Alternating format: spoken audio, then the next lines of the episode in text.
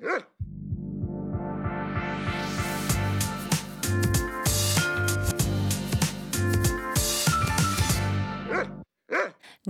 trenger en god og morsom hundepodkast, og nå har vi tatt ansvar og gjort noe med det.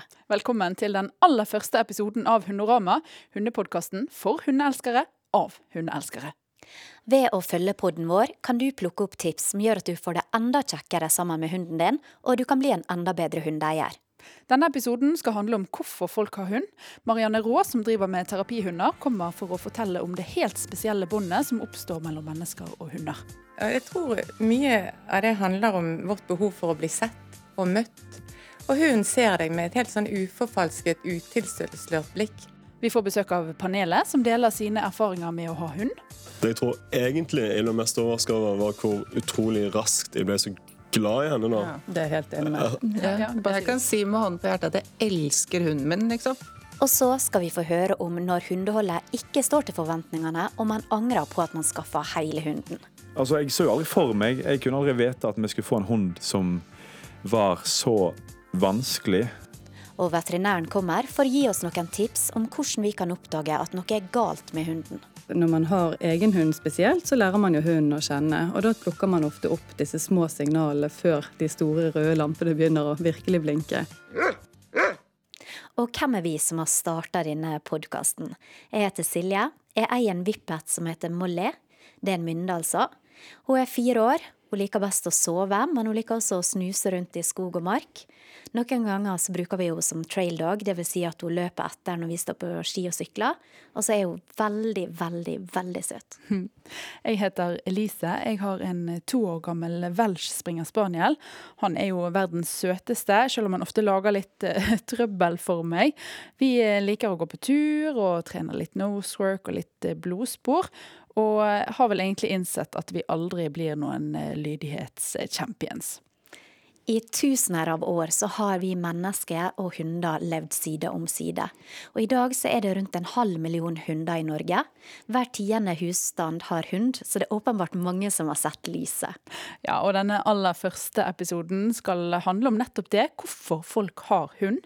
Og du Silje, du vil ikke ha hund? Nei. Og det er så sprøtt å tenke på, men jeg var faktisk redd hunder. Det var samboeren min som ville ha hund, og så ble jeg på en måte med på det. Det var et skikkelig sjokk for et kattemenneske som meg å få den der hunden. Men sakte, men sikkert så fant jeg ut av det. Og nå er det nesten slik at jeg ikke skjønner hva jeg gjorde før jeg fikk den der hunden. Det har blitt et ordentlig familiemedlem. Ja, jeg kunne ikke sett for meg et liv eh, uten hund. Og jeg fikk meg hund rett og slett fordi det er så fint å alltid ha selskap. Man har liksom noen som er dødsglad hver eneste gang man kommer inn den ytterdøren. Selv om man bare har vært ute med søppelet, så er det vill feiring. Og du har en som du vet at er glad i deg uansett hvordan det går ellers i livet. Og så ikke minst så er det supert å ha en turkamerat i all slags vær. Jeg kunne ikke vært mer enig. Men en annen ting som også er gøy, det er alle folka du møter på din vei. For når man har hund, da kommer man i snakk med andre hundeeiere. Og det er nettopp det jeg har gjort. Jeg har besøkt et populært turområde her i Bergen og bare slått av en prat. Hvorfor fikk du deg hund? Nei, jeg er veldig glad i å gå tur, og det er ikke mannen eller ungene mine. Og da vil jeg ha en å gå på tur med. Jeg fikk meg hund fordi det er gøy å ha hund. Det gjør eh, dagene litt bedre, rett og slett. Jeg hadde ei jente som har mast i tre år på at hun ville ha seg hund. Og jeg har ikke angret en dag. Det var helt fantastisk. Utrolig mye kjekkere og givende enn jeg hadde forventet. Vi fikk vel hund for familien først, da. Og siden ble det jakthund. Så var jeg ti år uten hund, og det var et stort savn. Og så eh, har jeg fått ny hund igjen. Nei, det er fordi det er sånn koselig å ha hund, og den får deg ut på tur, og ja, det er bare kjekt, egentlig. All in all. Hva er det som er det beste med å ha hund? Selskapet. Det er i hvert fall en som er alltid like glad når hun ser deg. Og, og du har en turkamerat og, som alltid liker å gå ut og Nei, så det, det er å få en liten baby igjen i huset. At du eh, må ha fokus på noe annet enn eh, jobb og ditt eget liv. Det er kanskje det beste. Det verste med å ha hund Det er egentlig ikke så mange dårlige sider. Jeg vet ikke helt. Plukke opp driten. At du må gå ut om morgenen når det regner. Nei, Det er vel når hun vil ut på de mest upassende tider. og så er jo det selvfølgelig hvis hun blir syk. Altså, du, du, altså, du går rundt og uroer deg sånn liksom, hva det kan være, for de kan jo ikke snakke. sant? Nei, de kan jo ikke snakke, men det går fint an å få kontakt med dem likevel. Og dette skal vi snakke om nå. Vi har eh, fått besøk av eh, Marianne Raa. Velkommen til oss. Takk. Du er hundefører og pedagog og driver med terapihunder, så dette her er noe du kan eh, mye om. Ja, det kan jeg. Og kommunikasjon er helt avgjørende for å få til både noe med mennesker og med dyr. Og Hvorfor tror du at så mange har eh, hund?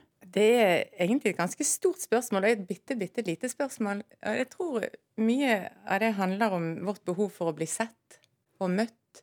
Og hunden ser deg med et helt sånn uforfalsket, utilslørt blikk. Ingen briller, ingen filter. Altså, Det har ingenting å si hvilken utdanning du har, eller hvilken, hvor gammel du er, eller hvor mange føtter du har. Hun ser deg og er glad i deg hvis du er snill med den. Du driver jo med terapihunder, jobber på sykehjem og på skoler. Hvordan kan du se at det virker? Noe helt, helt grunnleggende for oss mennesker er å gi omsorg til andre. Og jeg ser nesten uansett hvor dårlig helsetilstand de har, de som vi møter, så vil de gi omsorg. Og mange av de menneskene jeg jobber med sammen med terapihundene, de er jo sterkt omsorgstrengende. Og når den hunden kommer, da, og legger hodet i fanget eller ligger inntil, så skjer det et sånn rollebytte.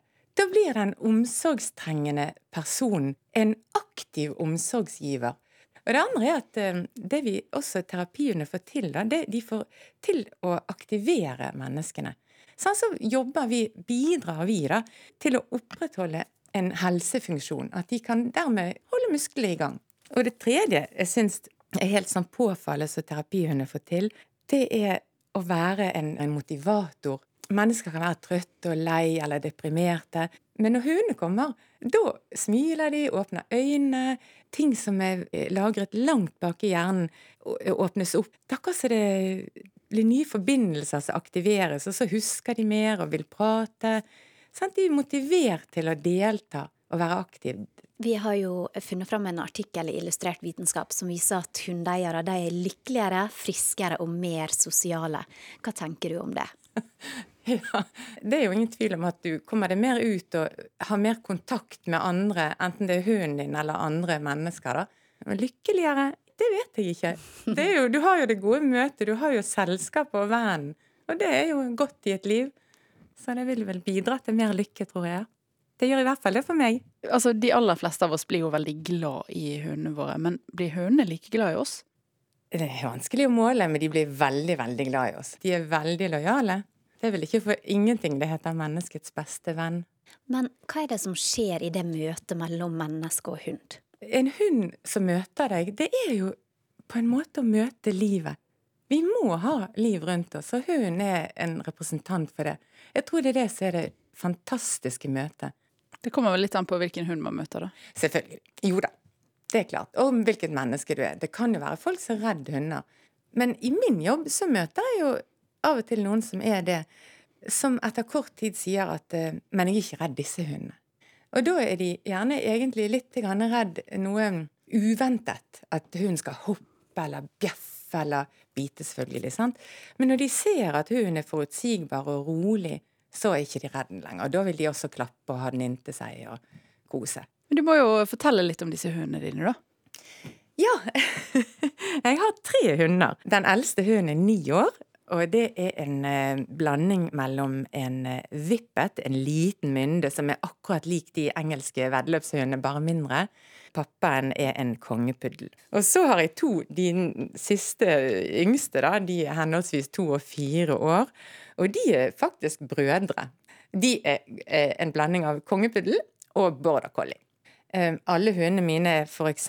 trent til å ligge på bord. For mange vi møter sitter jo i høye rullestoler og kan ikke bøye seg ned og hilse på en hund. Så kan jeg legge en hund der, og så kan vi kjøre rullestol inntil, sånn at de kan få holde i pelsen. Sånne ting da. Og så, så leker vi, og det kan jo Vi har masse forskjellige leker, så alle kan være med helt uavhengig egentlig av helse og funksjon. Og det høres jo ut som du har eh, noen veldig tolerante hunder. Hvordan har du trent de opp?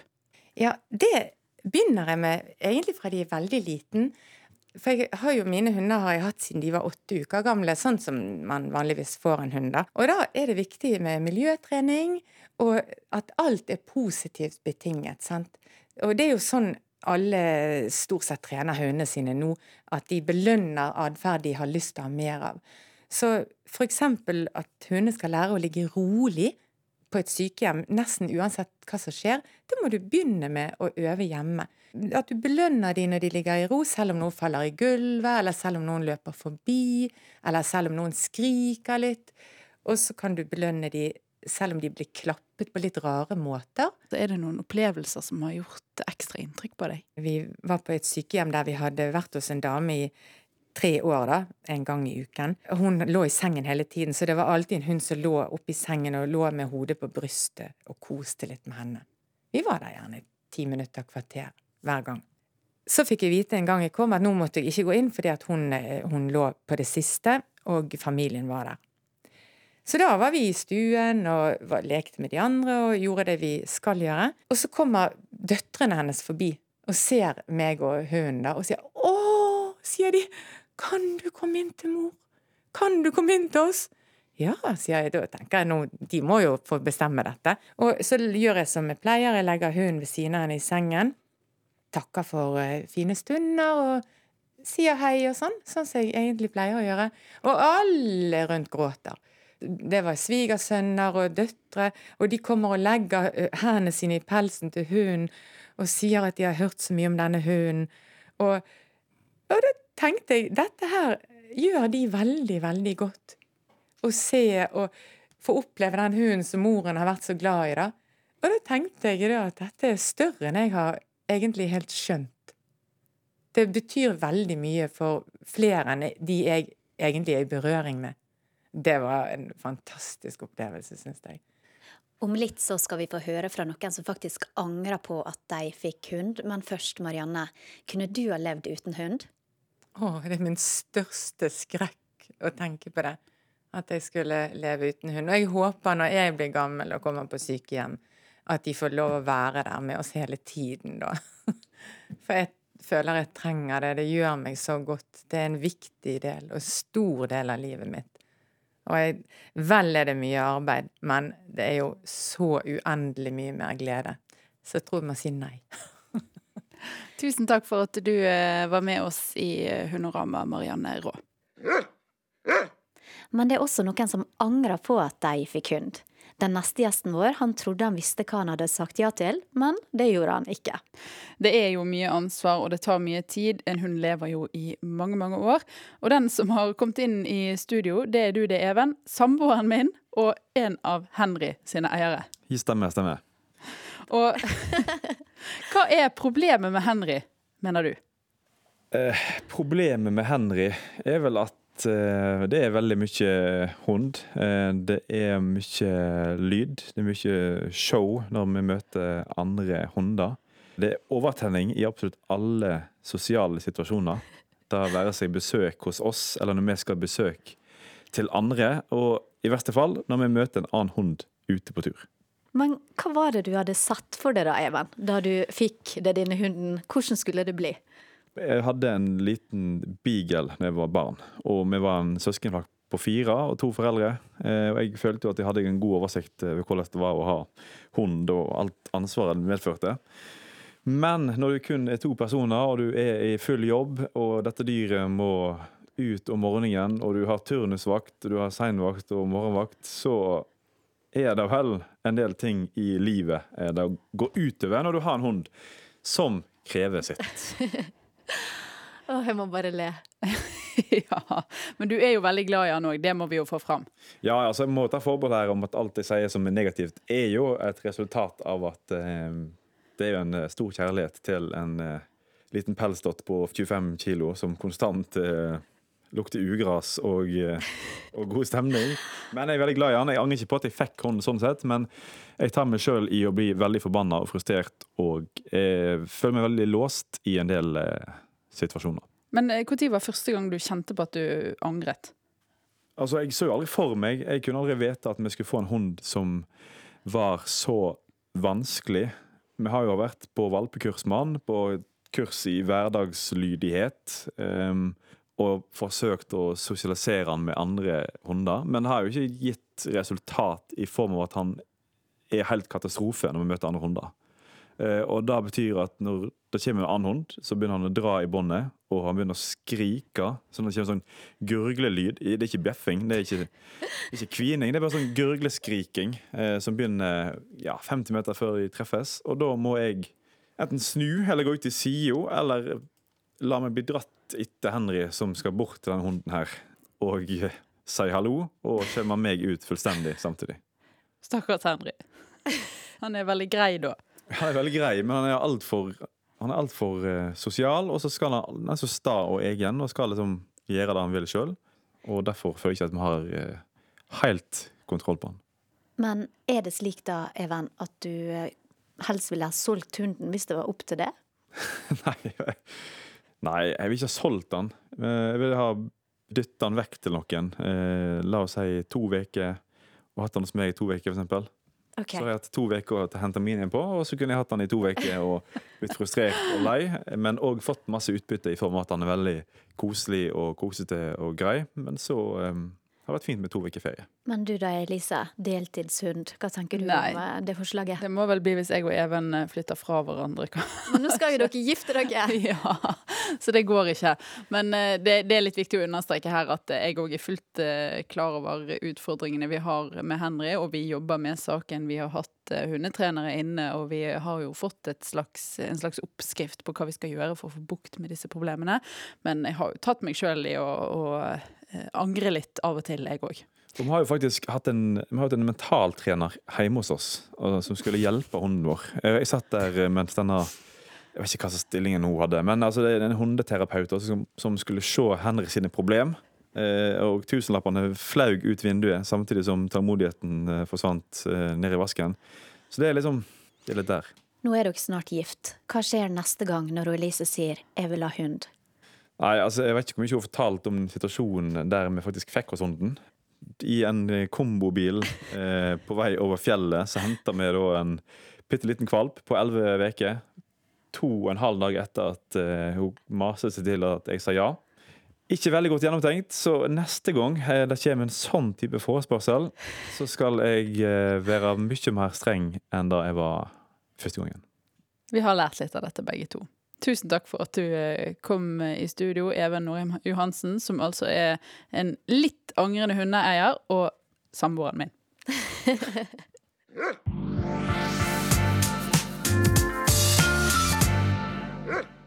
Vi har ei fast spalte, Spør veterinæren, og her kan du sende inn spørsmål til oss via Facebook-sida vår eller Instagram-kontoen.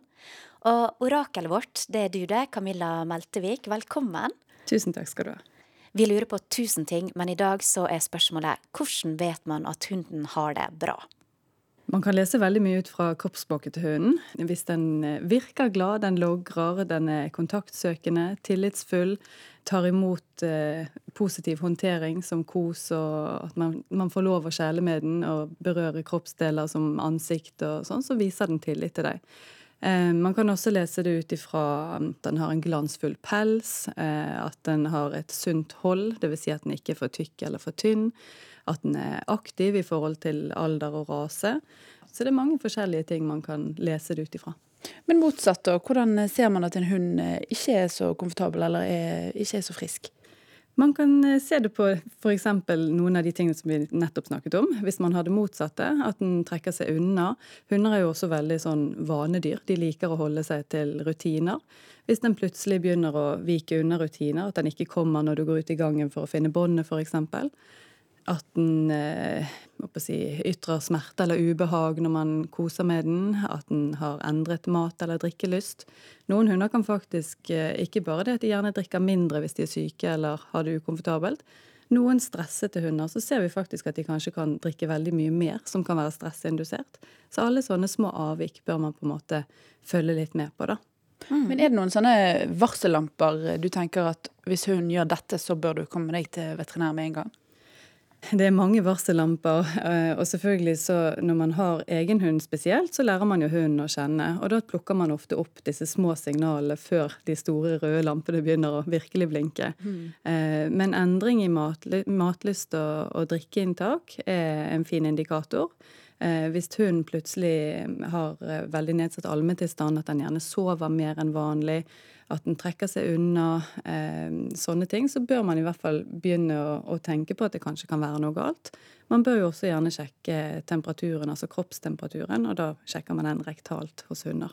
Så bør man også vite at den ligger litt høyere enn hos oss mennesker. Da. Så hos hund så ligger den mellom 37,5 og opp til 39,2-39,5 kan være normalt hos hund.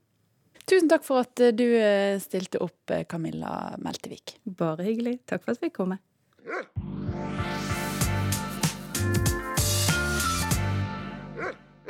Det er ikke til å komme unna at livet endrer seg veldig når man får hund. Og vi har fått besøk av noen hundeeiere her i studio. De skal dele av sine erfaringer og pøse ut med kunnskap. Det er nemlig tid for panelet. Velkommen alle mann. Helge Osvela, du er forfatter av boka 'Da han møtte hund'. Velkommen. Tusen takk. Kan du helt kort fortelle om hunden din? Min hund heter Whisky. Hun er en border collie som er utrolig glad i eh, gjenstander og ekstremt kosete. Og så har vi eh, Henriette Solrud. Du representerer jo den gjennomsnittlige hundeeieren her. Men gjennomsnittlig det er du ikke, da hadde ikke du vært her. Du er overivrig når du kommer til hunden din, du er et ja-menneske, og du er en vippet-eier. Hvem er hunden Tinka? Tinka er snart uh, ni år. Uh, vi adopterte da hun var rundt seks måneder av en uh, eldre dame. Derav navnet Tinka. 80-tallets best topp ti på hundenavn. Hunden er jo selvfølgelig ekstremt bortskjemt. Mye kos. Hun er kjapp når hun gidder. Eh, ellers så er hun ganske bedagelig anlagt, vil jeg påstå. Og Camilla Meltevik, du er panelet sitt eh, faglige alibi. Veterinær, men akkurat nå så har du ikke hund. Men hva hund kan du tenke deg? Vet du, nå er vi, vi hadde tidligere en flatcoat retriever hannhund, som var selvfølgelig helt fantastisk. Det gikk veldig inn på meg når jeg mistet han, så det har tatt litt tid for meg å komme tilbake mm. i salen. Så nå er vi på leiten etter eh, den perfekte familiehunden. Det blir spennende å se litt hva vi lander på. Og først, for å bli litt eh, kjent med dere tre. Får hunden deres være i sofaen? Ja. ikke, bare i, ikke bare i sofaen. Min hund sover også i sengen. Min hund gjorde ikke det. Min hund eh, fikk lov å være i sofaen når jeg holdt han på fanget. Ellers var han aldri i sofaen, men han var ca. to centimeter fra leggen min nedenfor sofaen. Så masse kos, og vi rullet stadig rundt på gulvet. Men det var jo en ganske stor hund med ganske mye pels, så, så jeg var ganske bevisst fra tidlig at jeg ikke ønsket så mye pels i sofaen. Vi hadde egentlig en plan om at hvis Whisky ikke skulle komme opp i sofaen. Og så lå jeg sjøl i sofaen da, en lørdag formiddag alene i huset, og hun var liksom veldig søt og valp og, og sto og så på meg. Og så var jeg sånn Det er jo min sofa, og det er jo mitt liv og min hånd, og jeg vil jo ha henne opp på meg på sofaen her. Så da, da ble hun sofahånd. Jeg tror, jeg tror, veldig mange begynner sånn Nei, nei, jeg skal ikke i sengen, ikke i sofaen. Og så har du den der lille der, og så ser han på deg med de øynene, og så bare Ja, det er greit litt, og så bare Ja, det er jo veldig lett sånn. for Mm. Jeg tror det kommer litt an på raset også. fordi at Hadde jeg hatt en uh, type uh, Newfoundlandshund f.eks., så tror jeg kanskje ikke jeg ville hatt den i sengen, i hvert fall. Hvis jeg er veldig sånn uh, På kvelden så er jeg veldig trøtt. Da er jeg veldig sånn åh, bare, Jeg vil bare være i fred og gå og liksom finne et helt annet rom enn der vi er. Men så kommer vi jo alltid opp i senga da, i løpet av natta. Så ligger jeg vanligvis sånn med fotenden, og så ligger jeg liksom litt med beina ut forbi sengen. litt sånn som det. Og, men det er veldig koselig. Og så går jeg eh, Jeg står alltid først opp og går på badet. Og så når jeg kommer inn igjen, så ser jeg at hun har tatt liksom, min plass i senga og ligger ved siden av samboeren min. Sånn, helt sånn strekk ut og kjempefornøyd. Ja. Jeg syns jo det er veldig herlig, men uh, så jeg tenker jo at det er jo ingenting galt med å ha de i sengen og sofaen, for den saks skyld. Det kommer bare rett og slett an på preferanser og hva man lar de bli vant til. Så syns jeg det er viktig at man er konsekvent. At ikke det en dag er lov å være i sofaen, og neste ikke. Det er egentlig det viktigste, sånn som jeg ser det. Mm. Veldig gjenkjennelig det dere forteller. Uh, men hva var det som var den største overraskelsen da dere fikk hunden? Vi har jo en border collie med en ganske sånn sterk gjetedrive, da. Jeg hadde jo liksom lest veldig mye om rasen og følte meg veldig forberedt. Hadde fått liksom alle de advarslene og sånn som det, Jeg var veldig innstilt på å trene veldig godt sånn som det. Det er jo en ting som jeg tenker at uh, det kan være med mange raser. At de har at de, de er jo tross alt hunder, og de har noe som, er, som de er avla fram for, som er veldig sterkt i dem. Uh, og så gjelder det liksom å finne strategier for å få det til å harmonere med, med våre liv da, i, i eh, vår verden. Mm, det syns jeg er et veldig godt poeng. Eh, For min del så var det mer det at eh, jeg var jo ikke ferdig utdannet veterinær, jeg fikk hunden min under studiet. Og min overraskelse var vel eh, Det burde egentlig ikke komme som noen overraskelse, men det at jeg måtte ut så sinnssykt mange ganger i løpet av natten. Det var litt overraskende. Og når man da bodde i fjerde etasje uten heis, så var det litt slitsomt. Da måtte jeg vippe han opp når jeg så at han nesten måtte tisse, sånn at eh, han på en måte lå litt sånn på ryggen, for da holdt han seg bitte litt lengre. Og så løp jeg ned alle trappene før jeg satte han ned utenfor, og masse ros og kos for at han var verdens flinkeste hund som holdt seg. så, så det kjente jeg var litt sånn slitsomt helt i starten. Vi fikk jo hun som var seks måneder, så den var jo både stueren og sånn halvveis dressert i hvert fall. Men vi måtte jo trene på hjemme alene-trening.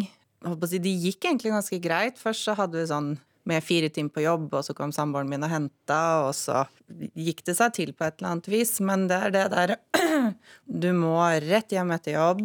Eh, Du kan ikke på en måte ta noen avstikkere, for vi har en sånn regel på at du skal ikke være lenger hjemme enn syv til syv og en halv time. Det er sånn kjempemaks. Mm. Så det, det er jo på en måte blitt litt sånn endring i livssituasjonen, da, at man eh, må tilpasse seg hunden. Så det er veldig mange sånn praktiske ting som dere er inne på. Men det jeg tror egentlig jeg ble mest overraska over, var hvor utrolig raskt jeg ble så glad i henne. da. Ja, det er jeg helt enig med. At, at de var, jeg husker hun var bare Kanskje vi hadde hatt henne i to-tre uker, eller noe sånt. det. Og så lå hun litt sånn rart under en stol i en sånn rar posisjon, helt rolig. Jeg tenkte faen, er hun død? Er hun død? Og jeg kjente bare sånn, fikk sånn full eh, aktivering av hjertebank. Og måtte innså at Hun var jo ikke det, da. Hun lå jo bare helt sånn flatt ut og sov kjempetungt.